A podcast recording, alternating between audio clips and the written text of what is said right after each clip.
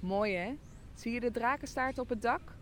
De gevel van Casa Batlló moet het verhaal uitbeelden van Sint Joris en de draak. Een legende die zich nabij Barcelona zou hebben afgespeeld. Links van Casa Batlló staat nog een mooi huis. Casa Almater is niet van Gaudí, maar van zijn tijdgenoot Josep Puig y Cadafalch. Je hebt al eerder een werk van hem gepasseerd. Weet je nog welke? Voor dit huis liet hij zich inspireren door de Nederlandse en Belgische herenhuizen. Hier zit op de benedenverdieping trouwens ook een leuk café met binnentuin. In hetzelfde blok, een klein stukje naar beneden, vind je nog een pareltje. Casa Deo y Morero.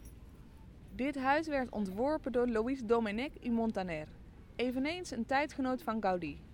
Helaas is dit huis momenteel gesloten voor publiek. Heb je trek in wat te eten of drinken? Net voor de kruising tussen de Passeig de Gracia en de Gran Via zit het prachtige restaurant El Nacional.